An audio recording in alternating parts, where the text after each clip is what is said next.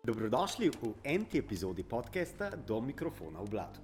Sogovorniki iz inženirskega sveta se bomo poglabljali v tehnološke zgodbe, razpredali bomo o inženirskih praksah, prerokovali bomo trende in pametovali o dobrih starih časih. Skratka, brodili bomo po blatu industrije in se ob tem morda spotaknili ob kakšno dobro zgodbo. Sem Andraš Tori in današnja gosta do mikrofona v blatu sta Ante Odič in Sara Krk iz podjetja Outfit 7. Pozdrav. Živijo. Pozdrav. Oba bomo seveda predstavili uh, v tudi karjerno.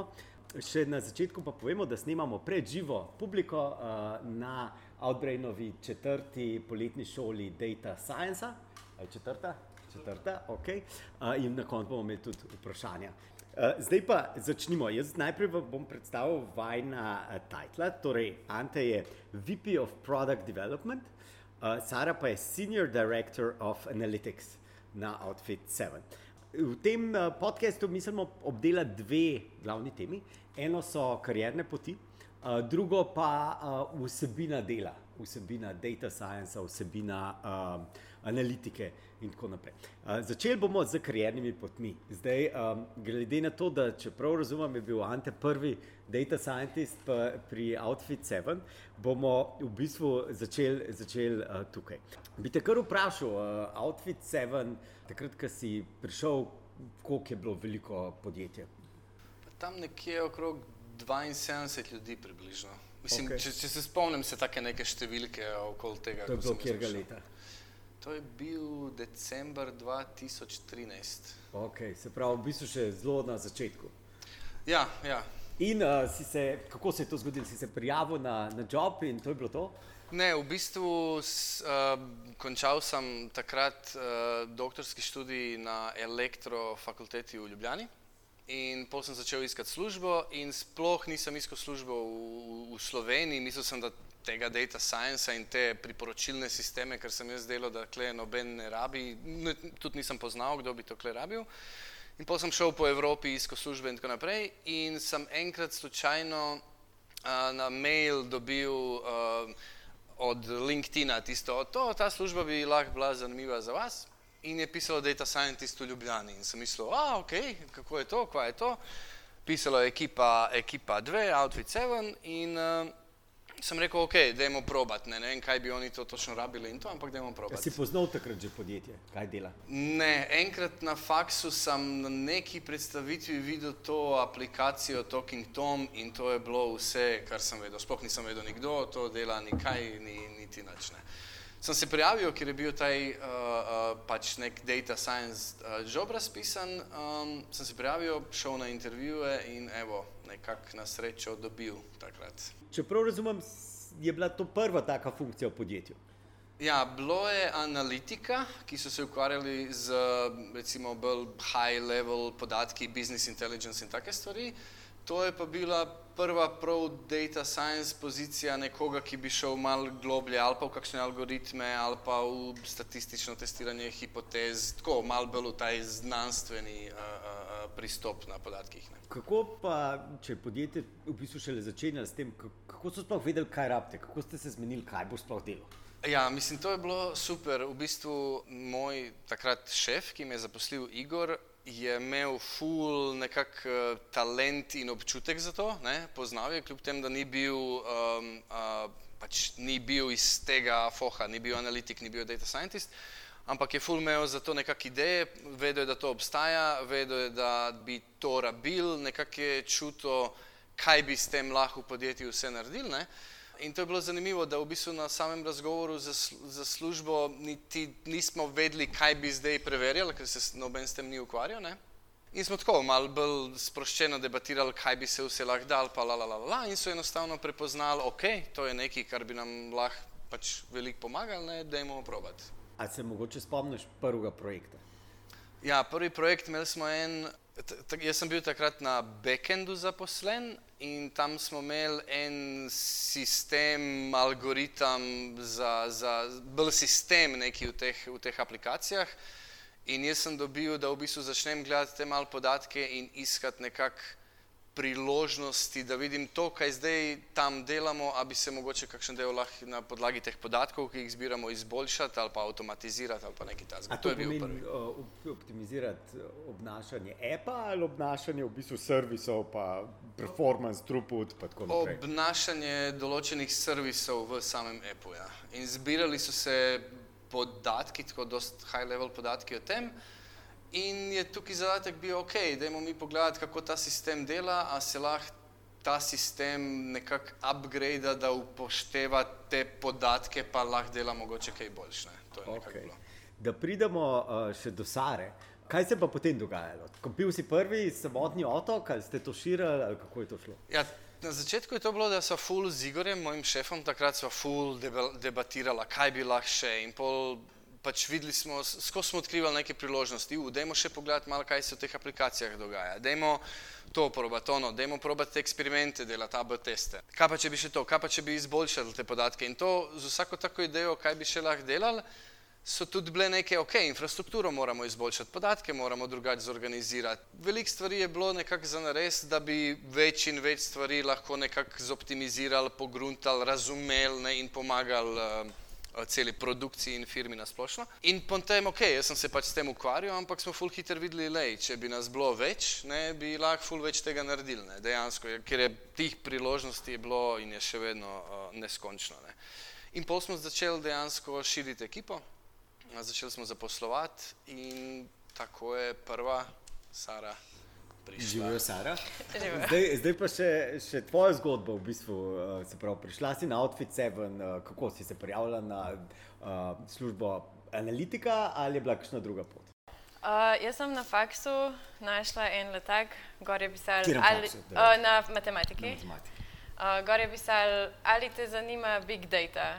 In sem brala opis In sem tako, uh, to se pa v bistvu sliši ful zanimivo. Je bilo pač, če te zanimajo podatki, baze, kako se postavljajo. Torej, bolj tako data inženirsko delo uh -huh. je mhm. bilo objavljeno. Pa sem se prijavila in pol um, sem šla na razgovor z Antejem in Mitjo takrat. Uh -huh. uh, pa sem me pa v bistvu zaposlili najprej na B7, to je bil naš advertising platform. Uh -huh. uh, pa sem pa po treh mesecih v bistvu šla rajš na analitiko, ker me je to bolj zanimalo. Okay. Uh, in od takrat naprej ste se po vajni vlogi tudi nekoliko spremenili. Mislim, od, zdaj, zdaj že sedem let od takrat. Um, torej, ja, na začetku sem bila junior, smo bili, v bistvu nismo niti imeli analitike tako postavljene in smo delali pač, kar je produkt zanimal. Jaz se spomnim naš prvi app, ki smo ga launchali, ki sem se je zaposlila, je bil um, Bubble Shooter. To je bil tudi uh, zanimiv projekt, ker tudi developerji niso bili še navajeni implementirati vseh eventov in je bilo polovica stvari na robe z implementiranih. Tako da smo to delali, zdaj pa, pa takrat nas tudi niso tako resno imeli, oziroma nam niso tako zaupali.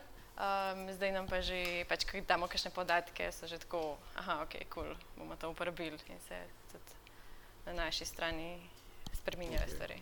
In da zaključimo sam ta karjerni del, zdaj si pa skozi sedem let si pa v bistvu prišla do vodja analitike. Ja. Zgleda, da so videli potencial v meni. um, ne, ja, pač torej na začetku smo bili v bistvu štirje, ko se je sploh analitika vzpostavila, um, pa pa ostali so bili bolj za ekspertiz, meni je pa v bistvu všeč vodenje. Pa tudi to, da lahko si izmišljuješ, v katero smer gre te oddelke, je fulj zanimivo. Cool. Zdaj, tako, mičken smo vaju, vaju kot osebe spoznali, zdaj pa lahko gremo na uh, projekte, pa kaj je v bistvu del. Ne? Mogoče se ti spomniš prvi uh, tak zanimiv data science projekt, ki si ga, si ga imela. Ja, spomnim se prvega napačnega grafa, ki sem ga naredila. Okay, dajmo, napačen graf, to je super tema. Večina jih je napačna. Um, to je v bistvu res. Ja. Uh, ne, bilo, bilo je lihta, ki je tam um, Bubble Shooter šel ven, um, se je redisali in pa smo gledali, koliko časa igrajo za vsak level.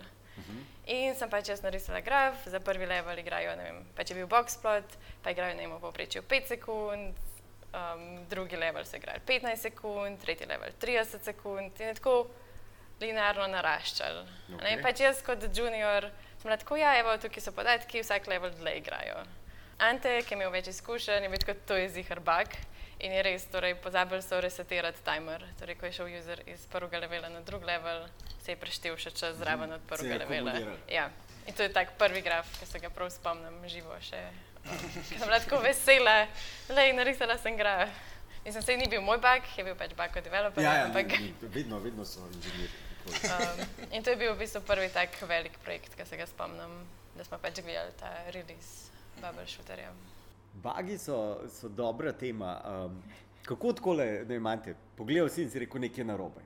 Uh, Koliko rabaš kilometrine, da, da lahko tako odreagiraš? Pa rabiš, rabiš kilometrine, da dobiš taj. En del je ta pesimizem. Ne? Včasih vidiš na nekem grafu nekaj, kar izgleda tako dober, da pol z neki kilometrine pride, ah, ne neki klene štima. Ne? Uh, ampak tudi mislim, da je pomembno, um, mislim, nekaj je definitivno kilometrina, nekaj je pa tudi, uh, da nisi zaljubljen v grafe in da nisi zaljubljen v rezultat in da nisi zaljubljen v kaj boš pol s tem, ampak da si v bistvu zaljubljen v taj sam logički problemček in da nisi tako obremenjen z, a nam bo zdaj neki ratel ali ne, ampak se fokusiraš na to, da je stvar res narejena v nulo in pol s kilometrino seveda pač ta instinkt in klikeri in vse veliko izkušenj, videl si že veliko napak in vsega tega zihar pomaga. Zdi se mi, da je od začetka ful pomemben ta nek kritičen uh, pristop do tega. Ne? Okay. Uh, Sara, zdaj ti vodiš ta oddelek, a tudi uh, tako, prva stvar, ki pride nov človek, ki naredi, vidiš, rečeš, to je pa narobe še enkrat. Uh, mislim, da reče tako, se kar opaz, um, če je kaj narobe, zato ker ljudje smo presenetljivo zelo predvidljivi in so tudi podatki. Pač ja, spoh, če imaš sedem let izkušenj, veš približno, ne vem, koliko userjev se vrne naslednji dan, veš, koliko časa igrajo, veš, ne vem, koliko kovančkov porabijo. Um, in pa pač ja, vidiš, ko je kaj narobe, ampak ja, drugač vsi delajo napak. Napak je po mojem, eno, dve leti. Okay. Pa imate kakšen uh, proces, uh, ne vem, reviewanja rezultatov, kako to ponovadi zgleda? Uh, torej, ko pride čisto nova oseba, ima vedno nekega mentorja, menedžerja, ki gleda vse njegove rezultate. Um, pač ta mentor mora imeti pač, seveda za dosti izkušenj. Pa imamo pa tudi še skupinske peer reviewje, torej da je cela analitika, kjer se gre čez reporte. Um, niti ne toliko na teh skupinskih peer reviewjih se ne fokusiramo toliko na vsak graf, ampak bolj na odločitve oziroma razumevanje podatkov. Ne, torej, ne vem, da če iz nekega grafa nekdo sklepa, nekaj narobe, da to probamo na teh skupinskih ugotoviti. Razumevanje podatkov. Um, mogoče se zdaj spet vrnemo na čist srč, uh, ki smo začeli. V bistvu, kaj je sploh funkcija nekega data science analitskega tima v podjetju, kot je Outfit 7? Uh, kaj namen, zakaj ste tam? Uh, ja, jaz mislim, da je tako. Ne? Ti, mislim, v vsakdanjem življenju, pa isto tako v podjetjih, valjda, se skozi se neki moraš odločiti. Ne? Zdaj, eno so full velike strateške odločitve, drugo so odločitve tudi eh, na full mehkih detajlih na vsakem projektu in tako naprej. Ne? Praktički se skozi neki odločaš. Ne? In zdaj na, na podlagi česa se ljudje odločamo? Na podlagi nekih informacij, ki jih imamo. Ne? Zdaj, nekatere informacije so dejstva, nekatere informacije ali pa veliko informacij, so neki, če dejstva še ne vemo, če delamo nekaj novega, neki, pa se kle gre za nek feeling, občutek, nek, neke assumptione in, in take stvari. Ne. In jaz mislim, da je v bistvu osnovni zadatek tega data scientista, da iz teh občutkov, hipotez, assumptionov dela dejstva. Da čim več njih spremeniš v neko dejstvo. Ne? Ker pol, ko je neki dejstvo, se boš ful lažje odločil. Ne? Če bi neki sa eh, zelo veliko verjetnostjo ali pa neki vedo, to je tako, tako svet funkcionira, pa pa je nares odločitev full simple. Če pa ne veš, kako svet funkcionira, pa pa pojma nimaš, da se zdaj moramo obleči, bolj toplo, manj toplo, a ne. Um, in jaz mislim, da je to nekak namen, da ene ideje, samšne feelinge poskusiš spremeniti čim več njih v dejstva, da se pol lažje nekaj odločaš. Ne?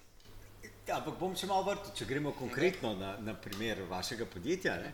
Uh, kakšne v bistvu odločitve poskušate podpreti? Ne vem, si znam predstavljati na en stran, da jim analiziraš kakšni otroci so tam zunaj, da poveš, rabimo igro, ki je šuter, ali rabimo igro, ki je vem, oblačenje Talking Toma.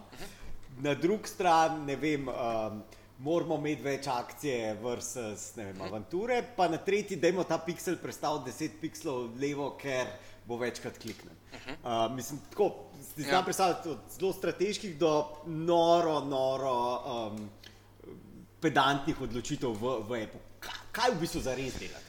Ja, jaz mislim, da tako, day to day delaš bolj te detaljne, zdaj ne glih piksle.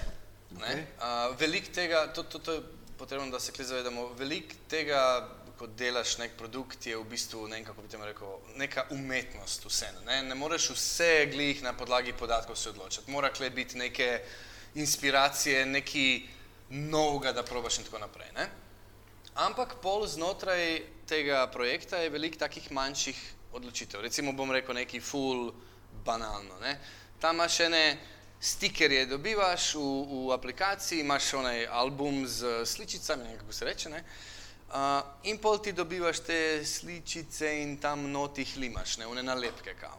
In zdaj, kaj je zanimivo za ljudi? Recimo, a je za njih zanimivo, da vsakič, ko odpre un paketek, pa dobi pet unih nalepk not, da so vsakič nove? Ali je mogoče neki del zanimiv to, da so kakšne od njih duplikati? Pa tudi, a je boljš, da jih je pet not, ali je ful boljši občutek, da jih je deset not ali pa petnajst, ne? Pa če je cel album 500 tisoč nalepk ali pa 100 nalepk, kaj je boljši recimo občutek za uporabnika? Ne? A, a, a, a jih se ful nasitijo teh nalepk, če jih je preveč, če jih je premanj, ampak zgubijo ful hiter interes, ne? Ka, recimo take stvari. In pol na podatkih. Kako, s katerimi Ja. podatki, ki zdaj govoriš, Ja. ja. sprašuješ se, kakšen je občutek uporabnika, kako sploh zmeraš E, občutek? e, E, sup- daš sonde v glavo? Ne, ne, ne, ne, ne daš sonde v glavo, ne, ne smeš jim dati sonde v glavo. In full podatkov je, prvo eh, anonimizirani so, kdo je sploh ta človek, v bistvu popolnoma ne veš. Ne? Tudi podatki, a so to tako stari ali tako stari, a so moški, punce ali kva je, pojma nimaš. Ne? Uh, na koncu konca niti ni tako pomembno. Obstajajo določeni uh, metrike, ki jim mi rečemo recimo mal higher level metrike, ki povejo, koliko naprimer uporabniki časa, koliko časa uporabljajo nek ta feature, nek del gama. Ne? Zdaj v gameu je veliko tega. En od teh stvari je te pač album s temi nalepkami. Ne? In zdaj ti gledaš, ok, ponavadi različne te dele v gameu uporabniki uporabljajo pet dni, pa pa zgubijo interes. Ne? In potem že na tej metriki, ki je zelo agregirana in taka, ti lahko narediš eksperiment, daš enim uporabnikom pet nalepk, enim deset nalepk v vsak paket, enim 30 nalepk v vsak paket in gledaš, kako bo to vplivalo na njihov interes, da več časa uporabljajo recimo del tega celega gema. Ne. Recimo, to je tak full simple primer Odvisno, kaj hočeš. Ne? Če je tvoj interes, da čim dlje časa uporabljajo, pol boš pač po tem eksperimentu tako izbral. Če je tvoj interes, ne vem, zakaj bi bil, da čim manj časa te uporabljajo, pa boš šel v drugo smer. Ne? Ono, kar je ful težko odgovoriti si na vprašanje, je zakaj. Ne, to je ful težko. To moraš narediti, ne vem, kakšne metrike, ne vem, kakšen uh, eksperiment ali pa velik njih v nekem zaporedju, da bi odgovoril, zakaj je neki. Ampak že da je tako, pa tako, ti je lahko ful, ful uporabno. no. Okay. In mogoče staro vprašanje. Uh, in ta vprašanja, to pridejo produktari, uh, k vam z njimi, inženirji, ali si sami v bistvu izmišljujete, ste del produktnih timov? Kako, kako sploh nastane, da se vprašaš, koliko nalepke treba? Uh, torej, ja, mi v analitiki imamo več ekip, ena izmed njih je tudi produkt analitika in oni dejansko delajo zelo, zelo skupaj s produkt menedžerji oziroma s celim tem pak timom, torej user, UI, game design pa produkt menedžerji. In v bistvu imajo mitinge ne vem, enkrat na teden in tam pol debatirajo o takih stvarih, pa recimo kaj produkt menedžerja skrbi, pol probamo pač analitiki odgovoriti na to oziroma mu pomagati se odločiti. A se sploh da na vsa ta vprašanja, ki jih imajo produkt menedžerji? Kaj, kaj, mogoče, kaj je bilo najbolj uh, tako divje vprašanje, ki ste rekli, da s tem se pa sploh ne bomo ukvarjali, to pa se da odgovor. Uf, um, Vsak dan jih je toliko, jih je veliko. Ja. Težko je. Uh, mislim, najbolj pogosto vprašanje je, recimo, kjer item je najbolj priljubljen. V, pač ne, imamo ta wardrobe, torej garderobo in je različnih itemov, ne vem, 50, ki imajo različne cene, različno izgledajo, različni vrstni red in pa njih zanima, kjer je najbolj popularen to je pač ne mogoče odgovoriti, zato ker je toliko faktorjev, ki vpliva na to, da ne moreš uh, znormalizirati tega. Uh mhm. -huh. Ampak to vprašanje, ker vsako leto pride ven in skozi. Pač in pa še forward, da štret od prejšnjega leta, ali ja. pa razložiš vse še? Um, če je ista oseba, sem forward, da tret, če ne pa uh, se usedemo, pa tudi po, pač idek smo naredili že to analizo in se vidi, da se nič ne vidi, tako da imamo tudi že v bistvu podkrepljen s podatki. Kako pa, kako pa je za, za data scientiste, analitike, kako dela en mesec, dva na nečem, dela z inženirji, da zajame podatke, pa pa pogleda se vse to, pa se tukaj ni nič. Ja, je dosti discouraging, um, ampak probam, mislim, zdaj imamo že toliko izkušenj, da že malo vemo, kaj se da, kaj se ne da pogledati, pa kaj bo delati, pa kaj ne. Za kakšne nove je pa lahko. E, ampak tukaj se mi zdi, da je, da je pomembno tudi vedeti, da tudi ko vidiš, da neki ne dela razliko, je v bistvu za data scientista super uspeh. Ja, ker, ker je odgovor. Od to je odgovor. Je vse. In ta odgovor je barve, ja, predmeti vse. In ta odgovor je v bistvu za pač ljudi, ki se s tem ukvarjajo, fenomenalen. Zdaj, seveda ti je žal, a žal ne bomo mogli izboljšati zdaj tega produkta ali pa neki, ne? ampak po drugi strani je ta odgovor, ni razlike, ful bolj vreden, kot če pač ne veš. Pa sklepaš, mogoče je razlika, pa pol leta in leta delaš nekaj, kar v bistvu nima nobenega vpliva. Ne? Uh, tukaj pridemo do enega vprašanja, kaj sploh raziskovati. Se splača vsako stvar, ki se jo da raziskati, raziskati, kako sploh Ne, ne, ne, ne splača se. Mislim, ampak tle s temi izkušnjami, tako kot je Sara rekla, ne, Sara zdaj, ko pride, par stvari je, ko pride ena ideja, lahko bi to, ne, Sara že ful ima občutka, pa ti, ki so tam več časa, da rečejo, nima smisla, ne. Ali pa nič ne bomo videli, ali pa pač nič ne bomo mogli s tem narediti. In tukaj je eno ful pomembno vprašanje, zato je ful pomembno, da delajo analitiki in produkt ekipa skupaj, Zaradi tega, ker če bi produkt tebi sam rekel, u, rabim številko, koliko uporabnikov dela to pa to pa to, ta številka, ki se on zmislil, je najboljš, kaj se on lahko zmislil, da človek lahko pogleda. Ne? Ampak analitik, če razume, ker problem dejansko on rešuje, se lahko izmisli ful večenih številk, metod, mogoče celo kakšnega algoritma ali pa neki, da reši ta njegov problem. Ne? Mogoče problem sploh ni na tem mestu, ampak je nekje drugje. Ne? Plus, kle je ful pomembno vprašanje, najbolj pomembno vprašanje, zakaj te to zanima in kaj boš s tem naredil. In kle smo mi velik, kot ti Sara rekla, ne, ko ti začneš delati neki oddelek, moraš dobiti nek, uh, neko zaupanje, ne? ne moreš za vse stvari reči, ne, ne, da se, aj čau, ne. Ampak recimo, kle ful pomaga pol, nekdo pride in reče, na, mene zanima, koliko procentov uporabnikov uporablja une albume. Ne? In zdaj vprašanje, ki nazaj mora priti, je, zakaj te to zanima? Kaj boš s tem? Ja, na podlagi tega se bom jaz odločil, ali bom to ali pa to. Okay. In pole, tukaj ful dobro pride recimo tak mentalni eksperiment. Evo, naredili smo eksperiment, dobili smo 10 posto. Kaj boš zdaj naredil? Ali pa naredili smo eksperiment, dobil boš in rezultat je 90 posto. Kaj boš zdaj naredil? In če ta oseba pogrunta, da bo itak naredil isto, pač ne rabi celega tega eksperimenta. Um, tako da tle je ful pomembno in to je velik pol na strani analitikov, da res premislijo, a ima smisla to gledati, kaj bomo, kako bomo to uporabili. Ne? Enkrat si mi dal primer črn prediction, ki je en tak ja, ja. zelo ja. um, univerzalen problem v industriji. Ja. Uh, Evo, glih, glih, uh, tudi prej so se Saro o tem uh, primeru pogovarjala. Se pravi, pride ideja, ali v analitiki, ali pa na produktu, ali pa kjerkoli, da imamo mi delati črn prediction. Zdaj, kaj je to? To je, da bomo mi na podlagi podatkov naredili predikcijo, kdaj bo en uporabnik nehal uporabljati našo aplikacijo. Ne? Ok. In zdaj, taj problem je tako ponavadi dost kompleksen. Ne? Se pravi, nekaj časa, energije, razmisleka in vsega tega bo v to šlo.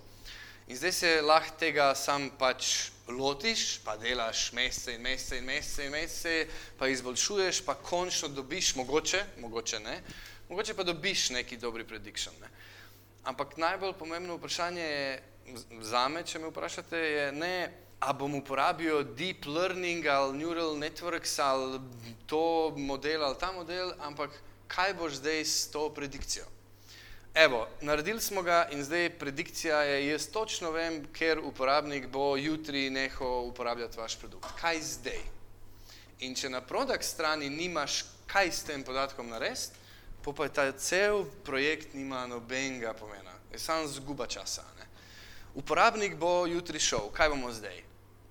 Ne? Dejmo mu to, to ga ne zanima. Dejmo mu uno, to ga itak ne zanima, zato gre. Dejmo mu pisati nekaj, ne moreš pisati, nimaš maila, to so privat podatki. Ne? In zdaj, če, če imaš neki pol korak naprej, super, deličen prediction. Če ga pa nimaš, ne ga izdelati. Pomembno je, da preden se take ene data scientist velikega projekta lotiš, res premisli, kaj boš pol s to številko s to predikcijo, s to klaso, odvisno kaj pač, kaj pač delaš. Ne.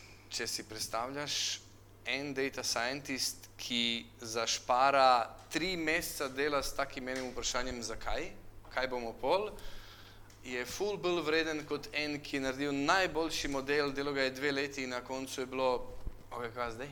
Se pravi, sprašvati se, zakaj, zakaj, zakaj na vseh korakih. Dajmo še malo se mislim, da so to zelo, ta filozofski del zelo zanimiv, ampak temu se še malo tehnologij do, dotakniti. Kaj, um, kaj pa uporabljate dejansko? A pišete, vem, v Javi analize ali Python, R, uh, vem, kak, kakšen je v bistvu toolset tega data scientista? Um, Ker sem, sem jaz začela delati na outfitu, je pač Ante pripeljal Python, tako da smo na začetku Python uporabljali.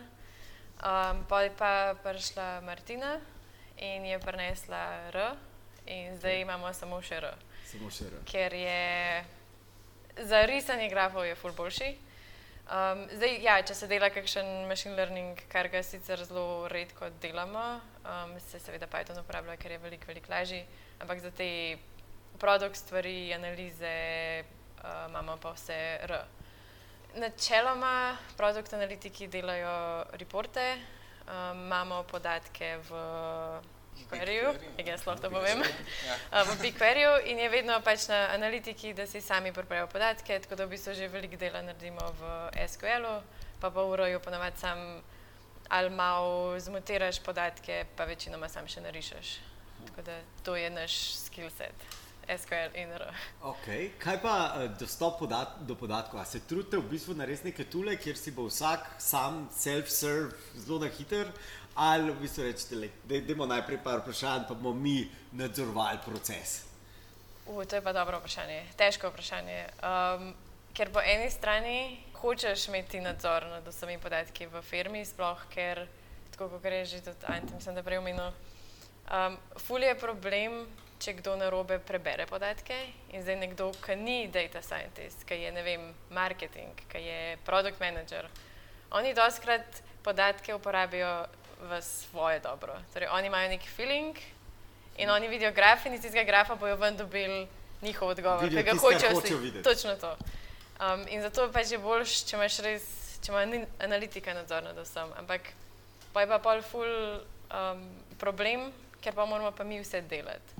Tako da, kar smo naredili, imamo pač neke dashboarde um, in probamo vse ljudi, ki se pač ukvarjajo, ki gledajo podatke, da preden se karkoli odločijo, da preverijo z nami, če so se prav odločili. Torej, probamo pač take enostavne grafe um, in pač damo, da gledajo, ampak za odločitve smo pa mi zraven. Prav, podatki so v redu, ampak preveč podatkov pa ne. Ja, ne. Ja, mislim, fore, da recimo pač data scientisti se full dog nekako učijo premagati taj confirmation bias, kako se to reče po angliško. Ne? Se pravi to, da in, in to celo je full težko včasih sam sabo premagati, zato rabiš te peer ja. review in vse, ne? ker ti ja. full ker interpretirati neki podatek ni tako simpel in če res nisi pazljiv, boš videl tam kot je Sara rekla, nekaj, kar, se, kar bi hotel. Um, plus, v bistvu delo analitika se ne konča, ko je tam graf. Tak, začne se delo. Ne? Graf bomo že narisali, ampak pol interpretirati, razmišljati o biasih, razmišljati o kaj bi to zdaj lahko pomenilo, kje bi lahko bila kakšna napaka, a je kakšen bug nekje. To je vse nekaj, kar v bistvu pol analitik mora, mora nekako premisliti. Ne? Tako da smo tudi velik tih dashboardov umikali, glih iz tega razloga, ne? ker se pač naredi se neka panika, ker nekdo pogleda neki pa panika, panika. V bistvu je pa to tako specifičen podatek na nekem mal semplu ali pa ni preverjen ali pa karkoli, ne, da, da je lahko čist kontraproduktivno. No. Kakšen mora biti ta človek za, za data science? Kakšne, kakšne lastnosti, pa kje jih v resnici potem dobite? So vsi iz matematike? Uh, v bistvu zdaj smo trije, koliko nas je zdaj, deset, trije smo iz matematike, trije so fiziki, um, pa je pa še psihologinja, pa social informatics, nekako se to reče po slovenski iz FDV-ja. Tako da smo zelo mešani, ampak kaj pa rabijo je pa, ja, pač niti ne toliko znanja, um, pač tehničnega znanja, ker to se da vse naučiti, ampak to razmišljanje, da veš, da nimaš vedno prav. To je tako zelo najnižji um, expectation, da pač se oseba zaveda, da nima vedno prav. Kako to na job intervjuju sploh preveriš? Uh, v bistvu imamo en full simple, uh, eno zelo tako full lahko nalogico, uh, ki se jo da izračunati na dva oziroma tri različne načine. In pač vprašaš in vedno najdeš samo enega, pa jih pa pač vprašaš, kako bi pa, kaj pač, a obstaja še kakšen drug način, pa pa vidiš, eni rečejo ne, to je edini pravilni način, um, eni pa rečejo, aha, hm, pa pa razmišljajo, pa ugotovijo, pa že obstaja recimo še drug način. Uh, in to je tako, pač res se, se je že zgodilo, da sem rekla tako, ok, obstaja še en način, tak način, in je dejansko oseba rekla, ne, moj je pravilni. Pač, skozi vrata in jih tiste Ja, ja. In je tako, ok, pač taka oseba recimo kot analitik res ni kul, cool, da je zato, ker pa bo pač en graf narisal, en where pogoj bo imel noter, ki ga ne bi smel biti in bo to pošeril okrog, da so to rezultati. Ja, pa to, kar si ti Sara rekla, ne, mislim, neko znanje se človek lahko nauči, ne. ampak mora imeti ta, ta neka radovednost in mora taj, taj mindset, ni pomembno, kaj jaz mislim, a sem prav ali pa ne, moraš imeti taj nek, to mora biti objektivno narejeno, perfektno, ker mi moramo priti do tega dejstva in to ne sme biti moje dejstvo ali pa njihovo dejstvo, ne, to mora biti dejstvo. Ne. In pol je to nam pomembno, tako da tudi ko sem še bil v timu, ne, ko smo mi spraševali, dajali te neke naloge, ne, tudi če nekdo nalogo ni znal rešiti, ker ni poznal nekega algoritma, neke metode, whatever, ampak je znal o tem razmišljati. Tako, ne, preprosto, otroško razmišljanje, uh, kaj pa če bi to, zdaj ne vem, kako se to naredi, ampak to bi mogoče delali, to bi mogoče delali in kot vidiš to, prvo to željo, ne, da to uganko rešiš in drugo to otroški logičen način razmišljanja, da je ta prav, uno metodo bo že naučil nekoga, kako bo v Aru ali v Pythonu sprogramiral, pa tudi matematiko od zadju, kako bo razumel. No. Okay. Um, omenil si, da, da ko si ti še to delo, kako se je pa v bistvu to zgodilo, da ti nisi več v, v bistvu, vodja data science, ampak imaš drugo vlogo? Ja, jaz sem tam bil ene pet let pa pol in ta tim v tem momentu je bil ene 14-15 ljudi, se mi, se mi zdi. Uh, skupaj je bilo System Optimization, ta cela pač ta analitika skupaj. In potem se je na drugem mestu v podjetju javila potreba, da nekdo prevzame taj product team, to so product manageri, UX dizajneri, game dizajneri in tako naprej. In v bistvu sem jaz dobil vprašanje, a bi lahko jaz to prevzel. Ne? Zdaj odgovor na, odgovor na to vprašanje je v bistvu, a sprejemeš ta izziv in a lahko greš iz analitike, da te tukaj ne bojo preveč pogrešali. Ne? In analitika z vsemi ljudmi, ki so bili tam, je bila že na tem nivoju, da sploh nisem več bil tam potreben in sem lahko rekel, super, to bo tam laufalo dobro naprej in lahko jaz pač se na nekaj drugega fokusirati. Je kakšna to naravna pot od data science analitike do vodenja produkta? Je kakšen tak razlog ali v bistvu si ti bolj kot karakter, kot si uh, ravno za te dve stvari primeren? Mislim, ena, zdaj ne vem, sigurno je kle neki karakterja, ne? tudi tud na poti moje kariere je bilo veliko teh nekih vprašanj, a bi mogoče to šel delati, ki bi nek racionalen odgovor rekel ne, ker pojma nimaš o tem, pa je bilo ajde, slišite dober, ne. Ampak po drugi strani recimo uh, je dejstvo, da en analitik v podjetju tok dobi enih informacij, da že dobi full občutka za produkte. Ne. Ono, ki si prej vprašal, ne, a mi delamo one piksele, ampak ali pa neke mehne odločitve ali pa velike. Ne. Dejstvo je, da če ti tok analiz, pa teh eksperimentov, pa algoritmov, pa vsega narediš, da res zastopiš cel, celo to domeno in vse, pol pa tudi tiste strateške odločitve boš več delo, ker boš celo domeno ful razumel. Ne? In zdaj en, ne vem, kdorkoli iz marketinga ali pa iz produkta, če hoče dobiti to znanje, mora iti brati milijon AB testov za nazaj. Nekdo, ki pride iz analitike, če ni samo fokusirana na to matematično metodo, ampak je fokusirana na zakaj to delamo, kaj bomo s tem, zanima nas gaming v našem primeru, je pol taka oseba za ta product management v bistvu dost nekak dober kandidat. Ne? Okay. Enostavno full izkušen in tega razumevanja te domene nekako uh, pridobi na ta način. Če še malo ostanemo pri teh funkcijah v podjetju. Uh, govorili smo zdaj večinoma o analitiki, data science kot analitiki. Kaj pa data science ima v ta smer, ki je Sara omenila, machine learning, se pravi v neke te real-time lupe uh, samih Apple, same, ali pa backend. Ali pa. Tudi to, kaj delate znotraj izga oddelka, ločeno, kako to? Na, ajde, lahko jaz začnem pa povej, kako je zdaj, ja. kako je zdaj, niti ne vem, uh, čist. Um, v bistvu, ko sem jaz začel, sem v bistvu začel bolj na takih projektih, a ne? Razmišljali smo o teh algoritmih, kako bi nek sistem zdizajnirali, pa izboljšali in tako naprej. Pol smo začeli gledati še te druge stvari na produktih, analize, da razumemo te uporabnike in to vse skupaj. Takrat smo delali eno in drugo in tretje in vprašanje je bilo samo, kaj je zdaj za podjetje najbolj smiselno. A je bolj smiselno, da vložimo dva meseca za nek algoritem ali dva meseca, da razumemo nek produkt, pa ga lahko izboljšamo. Ne? Takrat smo delali vse. Imamo primere prav algoritmov, ki smo jih naredili v analitiki, ki so pol prevzeli nek manualni task v podjetju ali pa izboljšali neki prejšnji sistem. Lahko če tak primer, da si malo bolj plastično predstavljamo. Pa recimo imamo uh, ta cross promocija, recimo to pomeni, da v enem, enem našem gameu dobite uh, promocijo drugih naših produktov. Ne? In zdaj je vprašanje, kle, okay, kaj naj predlagamo uporabnikom. In to je tak en v bistvu priporočilni sistem, ne? kot ga imaš tam na YouTubeu, recommended for you, kot ga imaš na Netflixu in povsod. In prej smo to delali nekako na roke, smo gledali, kako se ti naši gami obnašajo, pa, la, pa smo delali to listo. Ne?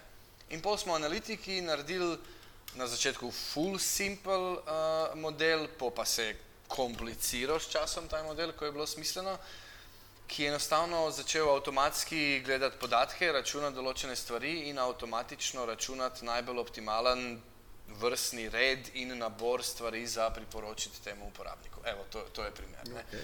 Razvili smo ga v analitiki, pol smo ga AB testirali, da vidimo, kako dela to, kako dela tisti manualni, kako bla bla bla. In ko smo videli, da to funkcionira, pol ponavadi to backend ekipa ali pa ekipa na, na, na gamih prevzame in dodelajo, da je to neki pol sustainable stvar, ki pač tam funkcionira in tako naprej. Ne? Kako pa je zdaj? Um, je zdaj imamo pa v bistvu, um, probamo personalizacijo delati še ostalih stvari. Um, imamo recimo, ne vem, najbolj očitni so special offeri v tem novem gameu, ki smo ga releasali. Mi si lahko reklamo um, naredimo, no Mythic game, Legends, it's amazing. Mythic, Mythic Legends, ok. Um, je pač tak malo bolj mid-core game, torej ni Talking Tom Friends Universe um, in se pač lahko tam malo bolj igramo, zato ker imamo malo bolj odrasle uporabnike. Ampak recimo personalizacijo takih stvari ali pa probamo um, narediti personalizacijo težavnosti v Goldrunu, da recimo za une, ki so ful slabi, da je pač malo lažji. Um, ampak zato je bilo treba cel sistem sploh še postaviti. ne. In zdaj, ker je težko um, biznis ownerjem prodati nekaj, kar ne obstaja, je bilo pač to vedno na najnižji prioritetni listi, ampak zdaj pač probamo vedno več uh, tega. Torej, to je ena personalizacija, pa v bistvu za ta Mythic Legends um, smo matchmaking, je tudi v bistvu en v anali analitiki in naredil.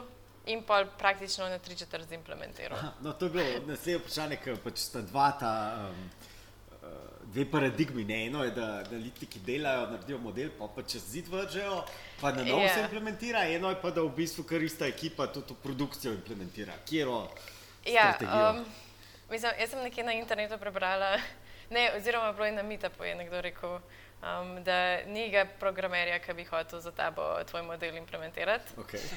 kar je zelo verjetno res. Um, in v bistvu srečo smo imeli, da ta, um, ki je ta matchmaking se spomnil, je bil v bistvu prej data inženir in je pač znal sprogramirati tudi stvari. Uh, drugače pa bi bilo verjetno malo več um, prepričevanja treba. A imate kakšno so- skupno infrastrukturo, na kateri to delate, Um, ali je vse one-off? Uh, v bistvu to bi bilo bolj vprašanje za njih, ker to, ki jaz nisem v detajlih zraven. Uh, je pa mislim, da to ena in ista oseba na backendu, ki ima pol malo nadzor nad tem. Imamo pa zdaj tudi srečo, ko skupaj sedimo, torej analitika sedi za sosedno mizo od backenda, tako da se tudi lahko veliko stvari zmenimo. Ampak kle, vedno itak poskušamo čim več obstoječe infrastrukture uporabiti in tako naprej, a po drugi strani je pa ekipa full uh, pragmatična, tako da tudi če je ena stvar v Pythonu narejena, tam je lahko nekako spravimo na produkcijo, da to zaživi, naredimo, tako da bilo je tudi tih modelov in uh, algoritmov, ki so sprogramirani z naše strani, pa so začeli laufati, sam da začne, ne? In pol, ko pride potreba, se lahko pač pol tam nekdo prevzame, pa dodela, spremeni, če treba ali kar koli. Business value je v centru, ostalo se pa že. Ja, ja. Okay. Veliko ste omenjali oba tudi AB teste. Kakšne imate, kakšne mantre, nasvete, kako rekel, izkušnje iz prakse? A, mislim, jaz mislim, da je, če, če se spomnim, kako sem jaz to delal, ne, ful je pomembno ta razvoj infrastrukture, da ta stvar gre hitreje. Ne. Zakaj? Zato, ker tih AB testov, s katerih dejansko lahko narediš nekaj, je neskončno. Ne? Tih idej, neskončno enih stvari, ki bi jih lahko ne vemo, pa dajmo testirati. Ne? In jaz, ko sem začel, mi smo imeli podatke v nekih zazipanih TXT filih, terabajtno velikih, jih sploh nisi mogel odpreti na računalniku, ampak si moral vrstico po vrstico van jemati, pa pisati neke skripte, pa je to laufal čez noč, ena skriptica, pa priješ nazaj, pa je bug nekje bil, pa ne. In je to traja f- ful dolgo. dolgo. Zdaj smo pa prišli, da tam par nekih gumbov poklikaš v nekih sprečitih, pa v nekih eh, dashboardih, pa se AB test naredi, pa dobiš po nekem času 70 strani grafov, statističnih unih testov narejenih in vsega in se lahko lotiš interpretiranja tega. Ne? Tako da jaz mislim, da je delo na infrastrukturi, da se taj del, da prideš do rezultatov, avtomatizira in naredi čist hitreje, je ful pomemben, ker kot smo rekli, analitik pol je tam zaradi možganov, da to interpretira ne, in dejansko pove, evo, nekaj smo se naučili, dajmo zdaj to, dajmo zdaj to uporabiti. Ne. Katere, na katere specifične statistične teste pa prisegate? Ne Še vem, zmeraj iste. Od, od, mislim, odvisno je, kakšne podatke imamo pa to, ampak ne vem, tam uh, pač z test za te Ja, za proportions. proporčne, pa imamo manj vitniju, Wilcoxon, pa, pa, pa te Ja. vse. Se pravi, odvisno, kero metriko testiramo, pa, pa kvaj za Ja. narediti. Pa zdaj smo dodali še bootstrap, um, da imamo vem, tisoč bootstrap samplov, da v bistvu dobimo confidence interval na razlikah. Mhm. Um, ker prej smo imeli samo pač razliko um, in ljudje, ki niso data scientisti, ne razumejo, da tudi če imaš ti AB test, pa ne vem, če je razlika 5%, ko boš dal ti to na produkcijo live, ne bo 5% razlika, ne? ampak bo pač plus minus. Pač Neki. odvisen, ja, neki in zdaj vemo, koliko je ta neki. Kaj je to bootstrap? Uh, bootstrap je, da v bistvu ti iz um, svojih, svojega sampla podatkov narediš še sample podatkov. Aha. Se pravi, imaš AA test pol. To je kot da bi naredil tisoč AB testov. Tako. Ampak iz istih istih podatkov. tisoč AB testov. Sam iz istih podatkov resamplaš, da pač dobiš, uh, dobiš nekaj. Ne. Kje pa, kje pa to znanje dobite? Vem, greste na konference, knjige, vsakmu kupite, kako to prije? Verjetno na začetku je bilo dosti osnovno. Ja. Ja. Mislim, zdaj zadnji premiki so recimo na meetupih, pa z Erikom Štrumblom, tem um, predstojnik, predstavnikom Data Science, se tudi dosti pogovarjamo, um, glede bootstrapa predvsem. Um, pa imaš pač ljudi v ekipi, ki jih to ful zanima in pa berajo bloge. Um, pa v bistvu na peer-reviewih doskrat, ne vem, zdaj smo imeli nek test, v bistvu smo imeli dva testa, ki sta tekla istočasno. In je bilo, da smo imeli v vsakem testu štiri skupine, torej A, B, C, D. In je bila v enem testu A skupina slabša od ostalih. In pa v bistvu zdaj tukaj je vprašanje, če bi recimo produkt manager videl to, bi bil tako, aha, testne skupine so boljše. Ampak ker smo imeli lih takrat dva enaka testa, smo videli, da je A skupina slabša. Torej ne, da so B, C, D boljše, ampak samo A skupina je slabša, ker je bila že slabša od druge A skupine. In ta je bil ta največji premik, ko smo pa začeli te bootstrape delati, da imamo confidence interval, zato da vidiš, da pač ni vse. Pač, simple. ni tako simple, ni reliable, ker na koncu zmeri pač podatki so vedno plus minus neki. In to je v bistvu ful, ful, ful je triki, ne? ker pač delati to je ful pomembno, da si odgovoriš na te stvari, ampak je ful nevarno. Z, a ne? To si rekel, da včasih daj boljš ne imeti kakšnih podatkov. Boljše ne imeti podatke. Ja? Ker v bistvu je fora, ne? če ti, tako jaz to gledam, če ti nek podatek nimaš, če nekaj ne veš, pa se nekaj moraš odločiti, ne? v tem primeru bo ti nekje v glavi skozi, ne vem, se pravi, mogoče bo vse šlo na robe, Ka, kako bom jaz poskrbel, če to gre na robe, da pol menadžeriramo ta risk. Ne? Risk management nekaj narediš, pripraviš se na to. To bomo probali, ne vemo, če vse pač eksplodira, ne, pol bomo pohendali to tako, pa tako, pa tako. Če pa ti imaš podatek, potem si pa ful bolj pomirjen. A, imam podatek, to je dejstvo, nič ne bo šlo narobe, ajde, to bomo naredili. Ne. Zato taj podatek mora biti natančen, ker če ni, potem pa si edina stvar, ki si naredil, je, da si naredil isti, isti, rizik, ampak nisi risk management naredil. Ne? Zato je boljš, recimo, tudi če greš nekaj delati, pa vidiš, da metodologija, ki bi moral uporabiti, da to narediš, vnaprej veš, da ne boš čist prepričan, kaj bo ta številka, boljše, da to ne delaš. Ne? In tukaj se pol, ful velikrat uh, zgodi en problem. Naprimer, gremo mi na, odgovoriti na vprašanje, zakaj. Ne moramo. Dajmo narediti anketo. Okay. Zdaj, problem z anketami je, da ti ne veš, tisti, ki so se bojo odločili, da bojo odgovorili na anketo, kako to korelira ta odločitev s tistim, ki jih sprašuješ. Ne? In pol rečeš, lejte, ta podatek, ki dobimo, ne bomo mu mogli čisto zaupati. Mogoče čist mim, mogoče pa natančen. In pol ponavadi je taka debata. Pa dobro, dajmo mi to narediti vsem, Pa bomo pol videli. pa bomo pol videli, ne? In pol rečeš, ja, ne, ne, ker če naredim, pa se ne bomo verjeli tem, sem dajmo pa bo, ne? In v tem, recimo, v takem primeru je boljš, da ni podatka, lej, ne vemo. Če ne vemo za sto posto, ne, vemo, kako to pač dela v, v, v znanosti, boljš, da ne vemo. Boljš, da vse se lahko zgodi, pojma nimamo, pa gremo po gut feelingu, pa pač pol pohendlamo uh, ri, rizike. Ne.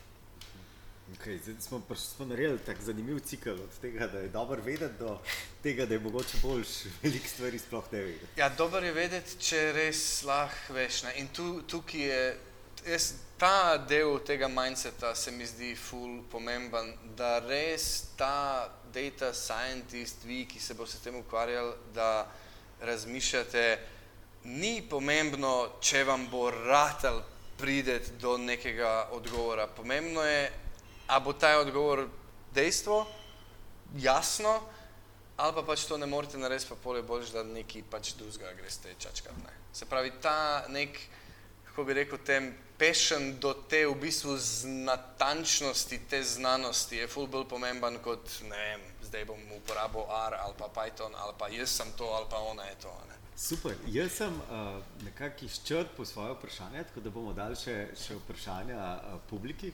Mogoče še kakšen komentar, kaj ka nismo omenili, kakšno področje pa bi ga bilo treba. By the way, ful je pomembno, recimo vi, ki se zdaj pač učite ali pa vas zanima data science. Ne? Ful pomembno vprašanje, kaj bi jaz rekel, je, zakaj vas to zanima. Ker na koncu vi lahko greste v akademijo se s tem ukvarjati, lahko se s tem ukvarjate kot hobijem, lahko se pa s tem ukvarjate v nekem podjetju. Ne? Zdaj, če se vi hočete s tem ukvarjati, ker je vaša passion je neural networks, Pa, pa mogoče v podjetju, kakšnem ne bo vedno priložnost, da delate neural networks. Ker spet, mogoče boste isti problem ali pa 80% tega problema rešili z dva grafa in eno statističnim testom, ne pa z nekim blaznim velikim algoritmom. Ne. Mogoče je pol boljš, da greste v akademijo pa raziskujete ali pa razvijate take zadeve, ali pa mogoče pač kot hobi. Na koncu konca velike podatkov zdaj dostopnih, lahko se pač ful s tem ukvarjaš. Ne. Tako da, sam to bi hotel reči, vprašanje, kje je ta passion. In če je zdaj vaš passion reševati uganke, da pomagam nekem startupu, da neki doseže in to bomo mi z data scienceom dali na next level, po pa, po pa super, po pa v industriji data sciences, scientist zakon. Ne. To se mi zdi uh, pomembno, ker mi smo imeli tudi na razgovorih, smo imeli ljudi, ki uh, hočejo delati data science, zato ker je to the sexiest job of 21st century, tam so bili eni uni članki, in ker deep learning, to je to, to je cel passion, ampak na koncu ta človek se ne bi nujno dober imel day to day, ne? ker je včasih ful bolj pomembno dobro zakaj vprašanje vprašati, pa s tem narediti več, kot razvijati nek algoritem mesece in mesece. Ne. Seveda, obstajajo full podjetij, tudi kot smo rekli v našem, smo razvijali algoritme, v nekih podjetjih so problemi taki, da moraš z bolj kompleksnimi algoritmi jih napadati, ne. ampak to, ta se mi del za vsakega posameznika nekako mora biti jasno, zakaj, a spet ta zakaj. Uh, jaz bi pa sem še dodala, pač nismo se niti tega dotaknili. Um, na subredditu Data Science je doskrat uh, komentar, kako je data cleaning stupid in naporen in ne vem kaj. Ampak pač to je del vsakdanjega življenja od data scientista in ne moreš se ga izogniti. Noben ne bo na mestu tebe tega naredil. In isto je recimo, pač, ko narediš model, v bistvu noben mu ne bo tako mar za ta tvoj model, da se zimplementira na produkciji, kot je tebi. Mhm. Tako da je fajn poznati več kot samo pač ta zelo izoliran del data science. Mhm pač je fajn vedeti malo in analitike, in statistike, in mogoče programiranje. Prav, data cleaning je tako, da pač vsak dan si moraš zobe zjutraj umiti. Točno tako. Vsake podatke, ki jih ja. dobiš yeah. najprej. Pač noben podatek, no, nikoli se še ni zgodilo, da bi bili podatki 100%. To je za kakšne kar šok. No. Sploh, ja, če pridejo iz... vse simpel. Ne? Ja, vse to. Vse to. In pa prideš in imaš, ne vem, userje, ki imajo, ki so v Apple v enem dnevu 100 ur. In tako, kako je lahko v Apple 100 ur, če je dan 24 ur dolg. Pa se moraš takimi stvarmi ukvarjati. Kaj je odgovor? Vržeš ga ven. Aha, ok. It's a bug. okay. um, ne, ja, se jih to, ne, ampak pač moraš tudi pol se odločiti, kje boš odrezal. Tako da je zelo, um, ni data science, v bistvu podatki so zelo nenatančni. In to je tudi recimo en del, eh, enkrat si že prej omenila, eh, v bistvu se poleg tih metod in infrastrukture razvija tudi ta del, kako in katere podatke bomo sploh eh, zbirali. Da so ja. čim bolj natančni, da čim več enih pač problemov na, lahko nam rešijo in da je bolj in bolj lažje jih v bistvu hitreje obdelati in dobiti van nekaj iz tega. Tako da veliko je teh različnih delov, ki jih pol razvijaš. No, zdaj upam, da so se uh, naša publika pripravila na vprašanja. Uh, Meni smo nekaj časa. Da, uh, um, okay, mene zanima, kaj je kakšna taka mogoče najdražja napaka, ki ste jo naredili. Pa kaj ste se naučili iz tega? Torej, najdražja hmm. napaka. Jaz smo sploh naredili kakšno. V času, v denarju, v kateri koli noti. V, v času, definitivno.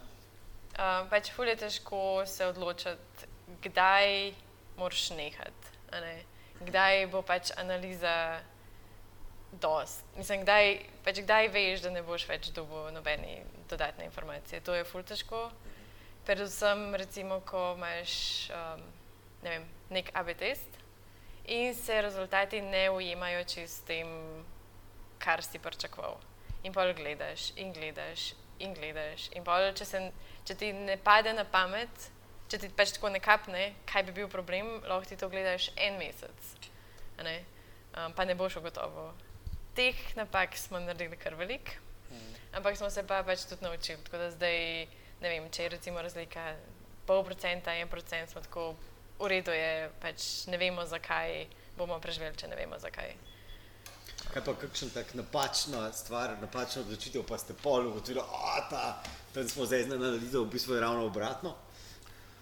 Sigurno je bilo, da smo neki ali narobe naredili, ali da smo kakšen test pustili predolg, da dela pa ena skupina. Ste še ga najdel po enem letu, dveh letih? A?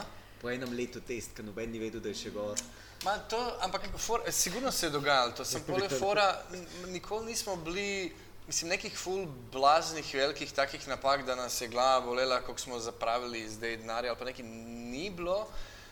Bilo je kakšnih takih dogodkov in pol kaj se naučiš. Um, v bistvu ti peer čeki s kolegi, ne, da, da narediš neke procese, da se te stvari preverjajo, da se kakšne stvari avtomatizirajo, da se ta human error zmanjša, ne, naprimer. Um, in pol, veš, itak pol, tudi če so ene take male napake, da ni zdaj, da si full pokur, pa da na živce ti gre, pa kako smo to pozabili, ne? zdaj ni bilo neke velike pač impekta na podjetje ali, ali pa to, ali pa vsem pač hočeš porihtati.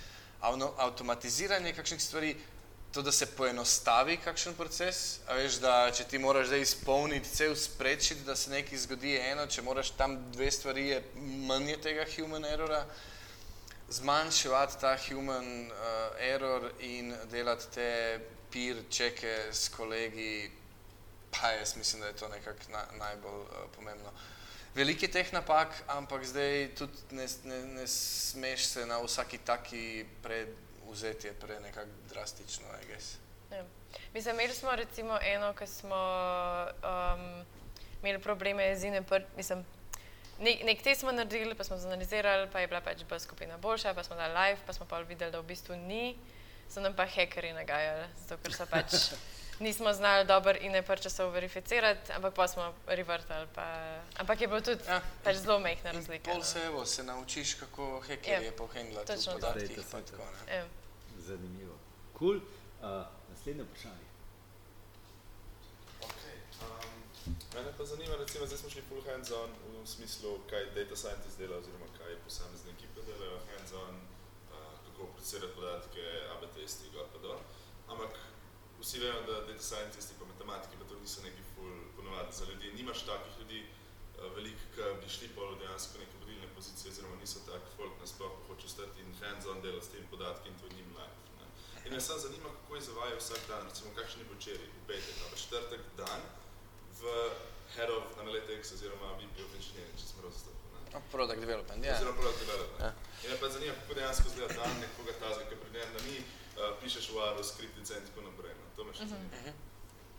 Mislim, jaz bi tukaj eno stvar uh, uh, povedal. Mi pri hiringu za ta oddelek, ti povej, če se kaj spremenilo, nama je ful pomembno bilo, da ljudje niso taki individualisti, ki dej ti sam meni mizo, pa bom jaz tam delal matematiko ali programiral, pa pust me na miru. Ne? Zakaj? Zaradi tega, ker ne vem, v našem podjetju ali pa na takih problemih, ki smo jih mi hoč, hoteli reševati, ali pa na način, ki smo ga mi hoteli reševati, je bilo nujno, da ti komuniciraš z drugimi, da razumeš njegov problem. Se pravi, moraš ena na ena, kva tebe stari čist v bistvu res zanima. Ne? To moraš razumeti. Pa pol, ko nekdo bo to stvar implementiral na ko- koncu v produktu, je ful pomembno, ne samo da mu napišeš neko specifikacijo, ampak da tam se z njim usedeš, da debatirate. La, la. Tako da pri hiringu smo mi že gledali, da oseba poleg tega mindseta in mal manj znanja in tega je tudi taka bolj, ne vem kako bi temu rekel, odprta, komunikativna in da hoče delati v bistvu z ljudmi in da hoče skupaj z drugimi reševati te, te, te probleme. Um, zdaj, kako izgleda na, naš vsak dan? Ja, Sara bo povedala za Head of Analytics danes. Moj izgleda 90% časa sestanki, kjer se neki pogovarjaš z ljudmi, poskusiš razumeti neke probleme. Ko si menedžer ljudi, je več teh problemov, problemi, personality, ljudi, odnosi, komunikacija, collaboration in to, manj so to data science, matematika problemi. Ne? In nekaj časa za tudi tako kreativno pol razmišljanje. Ne? Iz vseh teh pogovorov, sestankov, veliko stvari se pol tudi naučiš, kako ljudje razmišljajo, kako ljudje v firmi razmišljajo, kere probleme so in ti pol pade kakšna ideja, uh, kaj pa če bi to pa to delal drugače, boljš ali pa neki. In pol, žal, nimaš čas, da se ti usedeš in se začneš s Pythonom igrati, eh, pol pa pač pride na to, da tim Skličeš še en sestanek, pa da Še en stran pa tim pol naredi, no. Tako. Ja. Zdaj ne vem, kako je tebi zdaj. Mislim, meni je v bistvu lih to je full cool, uh, ker sem zdaj head of analytics in mi ni treba več pisati kode.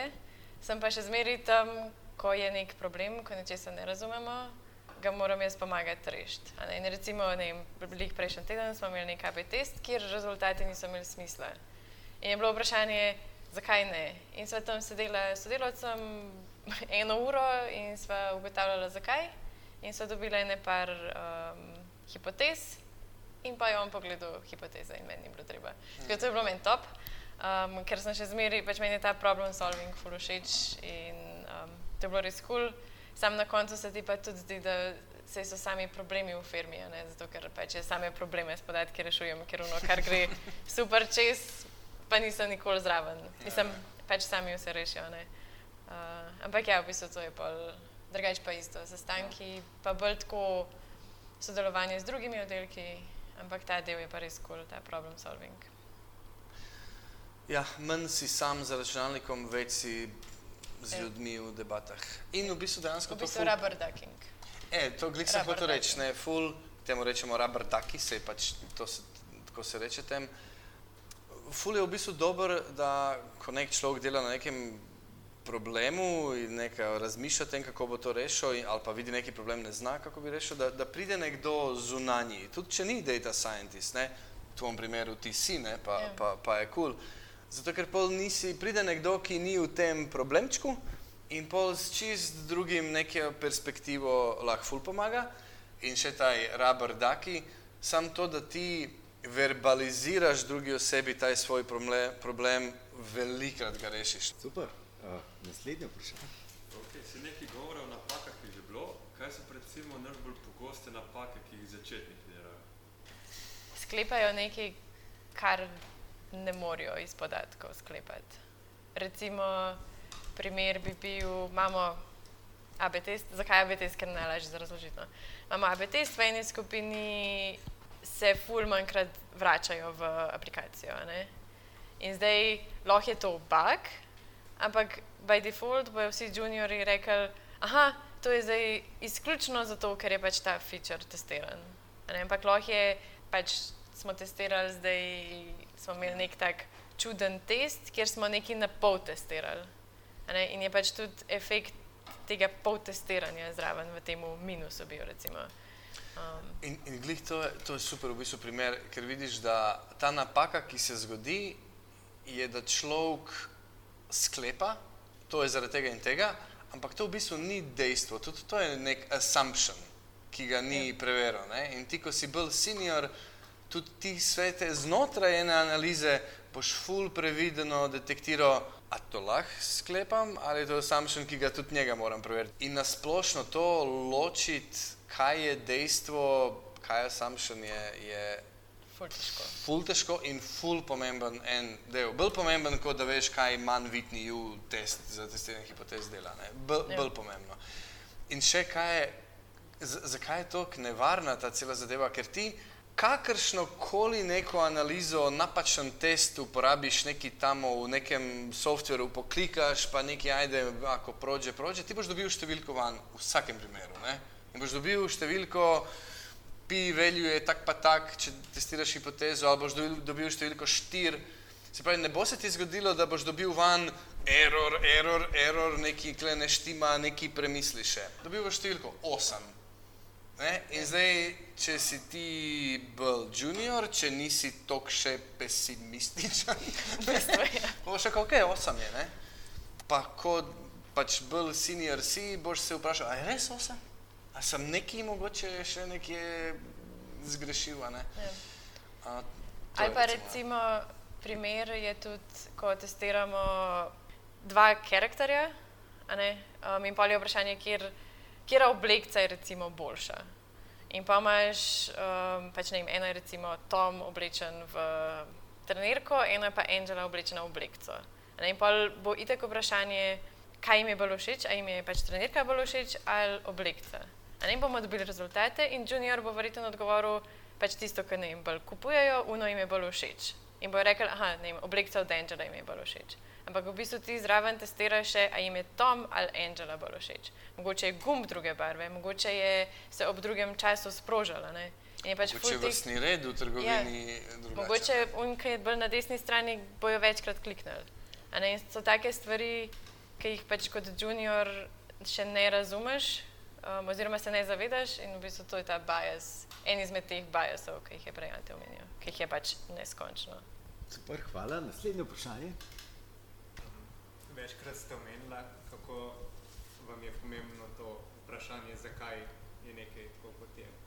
Kaj pol v modelih, ki jih uporabljate, recimo za strojno učenje, če jih uporabljate, kdaj um, vam je bolj pomembno to, da dobiste, dobiste zadnji uni procent, dva um, performansa, ali da so te metode, ki jih uporabljate, nekako bolj interpretabilne, bolj Prvo bi jaz rekel, če to ni hobi, ne, data science kot hobi, da je ful pomembno pač, da si pragmatičen. Ne. Zdaj, kaj to pomeni? Ti, naprimer, zdaj si v podjetju, ki hoče narediti kot Netflix svoj priporočilni sistem za filme. Ne? In zdaj, kaj ti lahko narediš? Lahko zaposliš deset data scientistov in daš jim, da pimpajo one podatke en let in pol razvijajo modele še en let in pol ga še optimizirajo v njih zadnjih procent dva še en let. Evo, čez tri leta bomo imeli najboljši priporočilni sistem na trgu a ne, vseh časov. Ka- Kaj pa je, jaz mislim, da je boljši pristop, je da rečeš, ok, dajmo mi štartati, naš priporočilni sistem na začetku dela vzame uh, povprečne ocene filmov, razvrsti padajoče in top pet jih da. Evo ga, imaš ga. Ne? In zdaj, pol, seveda, eni uporabniki rekli, ko je to, pa to sem že gledal, whatever. A, super, pa pa ok, dajmo še nekaj, dajmo zbirati od uporabnikov, kaj je gledal, pa te izločiti ven. Ne? In v bistvu začneš s full preprostim nekim sistemom, začneš služiti kot podjetje iz tega in pol počasi, če ima smisla, ga izboljšuješ. Ne? Zdaj, do, do kam ga izboljšuješ?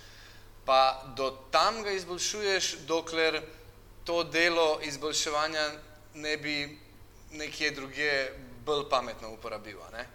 A je boljš še en procent in izboljšati nek sistem, ali to isto časa uporabiti, da narediš še priporočilni sistem za musko, pa imaš dva produkta. Ne? Se pravi, tukaj bi najprej rekel, da je taj pragmatičen del uh, najbolj pomemben. Jaz sem na faksu delo izboljšavo, cela raziskava, štiri leta pa pol, kako bi lahko za ne vem, par procentov izboljšali ta priporočilni sistem z nekimi dodatnimi podatki, vse nekaj zakomplicirano. V podjetju bi verjetno rekel, hej, v štiri leta, štiri leta jaz lahko naredim toliko še drugih stvari, da pusti to, pusti ona 2% tam. Nima. Na koncu konca, super, jaz bom lahko rekel, moj algoritem je zdaj najbolj sofisticiran in najbolj natančen na svetu, a če bi vprašal uporabnike, a so boljši ovi ali ovi, noben mogoče razliko sploh ne bi, ne bi opazil. Ne. A zdaj, a procentek ali pa da je interpretabilni podatek, odvisno, zakaj ta problem rešuješ. Če rešuješ problem zato, da se nekaj naučiš od teh uporabnikov, hočeš znati to interpretirati. Če pa rešuješ problem, ker ti ta en procent improvementa v nekem predictionu bo milijone pomenil, ni mi treba interpretirati, da ti. Ne. Um, e, ampak tukaj Se pravi, tukaj pride poleg tega common sense in vsega tega, ta je pač nek business sense, v smislu, a spet zakaj, ne? Zakaj mi zdaj to delamo? In tudi jaz mislim, da vsak data scientist v podjetju ne bi moral sam, pač ok, da imamo delati nekaj za to, da delamo, ampak se spraševati, ok, zakaj zdaj? Tudi, vidiš, za ta način, da se, da se lahko odločiš, ker model, kaj mi je bolj pomembno. Ne? Če sem odgovoril. Super. Še zadnje vprašanje, potem pa zaključimo. Evo, imamo še zadnje vprašanje.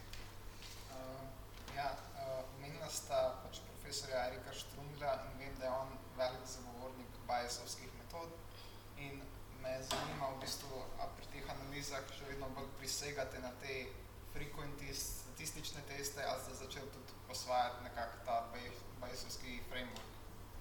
Ja, torej načeloma za AB teste imamo vse frekventistik, ampak začenjamo tudi z basom za neke malo težji um, frekventistično testirane podatke. Torej, recimo, če so kakšni ali full mehni sampli, v bistvu tukaj je base največja razlika, ker lahko z zelo, zelo mehnim samplom dobiš rezultate. In recimo imamo, ne vem, nek test, ki moramo plačati za njega. Um, tam se recimo dejansko splača pač biti malo bolj pozoren na to, koliko userjev daš noter, ker drugače imamo mi pač zelo veliki user. Pač s samplom nimamo ponoviti nikoli težav. Uh, so pa pač primeri, ko imamo in v takem primeru smo dali base. Plus uh, v bistvu lih iz baseovih metod smo prišli pol do tega bootstrapa in confidence intervala, ker je recimo base ful, ful lažji za razumeti ljudem, ki niso v analitiki. Ker tam imaš, ne vem, pri frekventistih imaš um, p-value, ki ga itek noben razume, effect size, ki ga tudi noben razume in pa vidijo tam en procent razlike, effect size je zero in so tako, jaz, naredili smo en procent razlike. Um, pri Basu imaš pa pol tisto verjetnost, da je pač, ne vem, B skupina boljša od A, to je veliko, veliko lažje za razumeti, kot kar p-value. Ja, in do tega smo prišli tako, da ko nam je metoda, ki smo bili navajeni uporabljati, ni več določene probleme ja. reševala, smo, smo, iskala, še, ja. smo iskali pač vsi uh, drugo rešitev in je pač tam bila ta ne. Tako da ni teh, uh, verjamemo samo v eno in to je to. Ne. Ja. Ja. Uh, odlično. Jaz bi se vama res lepo zahvalil za današnji obisk uh, in seveda hvala tudi publiki, uh, ki je bila danes z nami. Um, torej, danes sta bila z nami Ante Odič, uh, VP of Product Development na Outfit 7 in uh, Sara Krk, uh, vodja analitike na Outfit 7. Uh, in ta podcast prihaja v kratkem na spletno stran, čisto blizu vas. Do naslednjič, nasvidenja.